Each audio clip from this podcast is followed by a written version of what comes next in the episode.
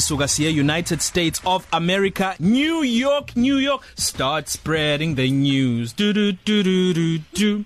I'm leaving today. So baby thina sasile e manje new age. Leni in New York. Alicia Keys Jay-Z. Awuyicule we Pearl in New York. Yeah. Concrete jungle where dreams are made of. Sabona Pearl. Sanibona ninjani? Siyaphila siswami njani wena Siyaphila, siyaphila. So baby Siyabonga ukuni-invite namhlanje. Sibonga wena ukuthi uthathe isikhathi sakho ukuthi ukhulume nathi akuqala isikhathi sini lapho manje Ave uthanda Oh, ngahalf past 6 ekuseni. Oh good morning Good morning. Hey usuhambile usuwabonile amazwe lapho umncane umnyeminyaka u24 wahamba nini ekhaya Um ngihamba kokuqala ngo2013, ngaqala ukuhamba ngo2013, but nda ndandihamba to go and visit and do tours and compete and I would come back. But ndahamba nje to come live overseas for 2016. I was 22, 21, 22 Yeah years old. Mm. Wafikela Ngiyoqala ngiyohlala eSpain. Waf oh wawuye eSpain. Tshela mina ke ngeNew York. Uthe uma ufika kokuqala eNew York yakutinyela ini lolu dosi lwenyosi yase New York abahleze bekhuluma ngalo noswenka sebebuya khona eNew York ukuthi uma usuke wabuya eNew York uyoze ufisa ukuhlala khona. Kumnandi khona eNew York um kodwa ay there's no place like home mm. there's no place like home um the buildings izinkulu abantu baningi ku busy but I there's no place like home. Ekhaya ngizobuya kona ngenye imini ngeke ndihlale Yeah. So wenzani khona lapha eNew York? Wathatha mhlambe i-decision yokuthi nje hayi cha wena uzoyivakashela amazwe, um, wenzani? Umsebenzi? Noma mhlambe um, um, um mhlambe une fiance kwenzakalani? oh ngumsebenzi ngumsebenzi. Kahle kahle umculo into eyangisa overseas. Yes. um sebenza ku ku Lion King. Ngenza ama auditions go 2015 and lapho ndathathwa khona ngasiwa eSpain and from eSpain bangitransfera bangisisa bangisa e New York. Mana ke kusho ukuthi njengoba wenza umdlalo weshashalazi iLion King umuntu wo Broadway njalo njalo awusitshele ukuthi ishashalazi lase New York lase America lihluke ngani kwela la eningizimu Afrika? Sure um i theater is so important kwi cultures that are outside of South Africa into engiyifundeleyo in general. Um and they appreciate kakhulu i theater nomculo wase South Africa which is something in South Africa I feel that as we understand ukuthi si talented kangakanani Mm. nokuthi sikwathi nekhono eli elinjani. There are so many young people abana abasuka e South Africa that are making South Africa proud that in South Africa no one has a clue of what is happening. Kune theater productions that are 21 years old and are being driven by young South African people.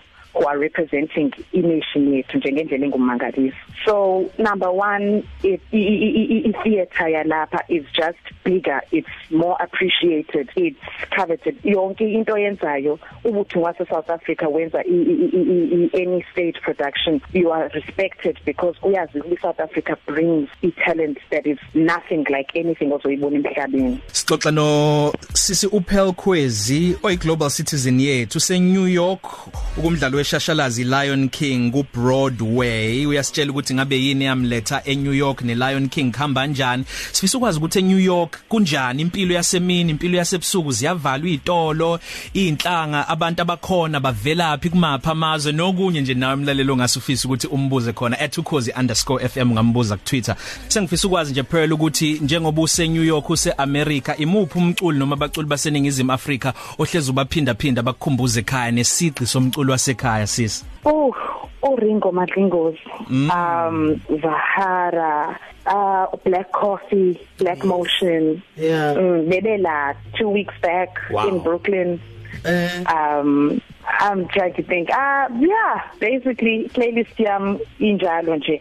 USjava, uSjava nomculo wakhe. Oh my goodness. yeah. sisakhuluma ngabaculi bala eningizimu Afrika ake sikhulume ngabantu ababala eningizimu Afrika kodwa abalapho eNew York mhlawumbe nike nihlangane nabo ninawo mhlawumbe ama clubs thizeni la nihlangana khona nje nibe nje igroupana nikhulume nikhale ndawonye nje oh my gosh ngikhumbule ekhaya nikhuluma isiZulu um ayi kuyokhumbuleke nyani ukukhuluma isiZulu nabantu nje basekhaya kodwa bakhona ngaphandle basemsebenzini bakhona abanye abangani esiyesidibane nabo ngoba nje singabaseza South Africa. And udibane nomuntu estradeni mhlambe ekhuluma efonini nomuntu wakubo. And uvela uve ekhuluma nje efonini uvela uye kuye uyothi sawubona sisunjani. And just like that you know niyahlangana ni exchange contacts nihlangane at some other point and just be with each other.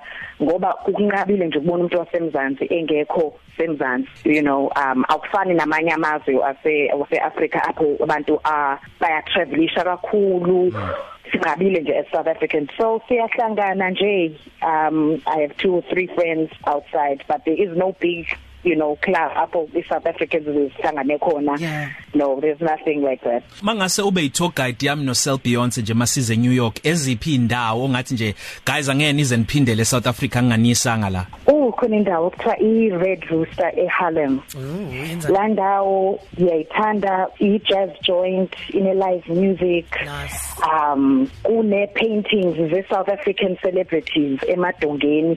Kanti khona nosomizi phaya ngiyasola sweet. Um,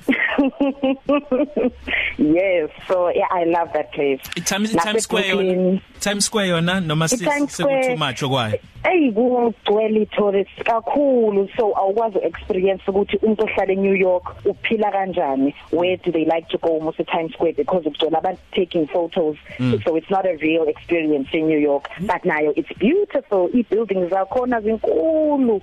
50 stories. Each building wow. is just you know the norm usuke wayithola nje mhlawumbe usuhlangana mhlawumbe nosaziwayo wakhona wangalapho mhlawumbe uSamuel L Jackson noma uPuff Daddy noma nangu Beyonce Oh. um ngizama ucabanga okugcwele politicians eziye zihambe ziyo ziyobukela Khankasa. ishow. Oh. Mm.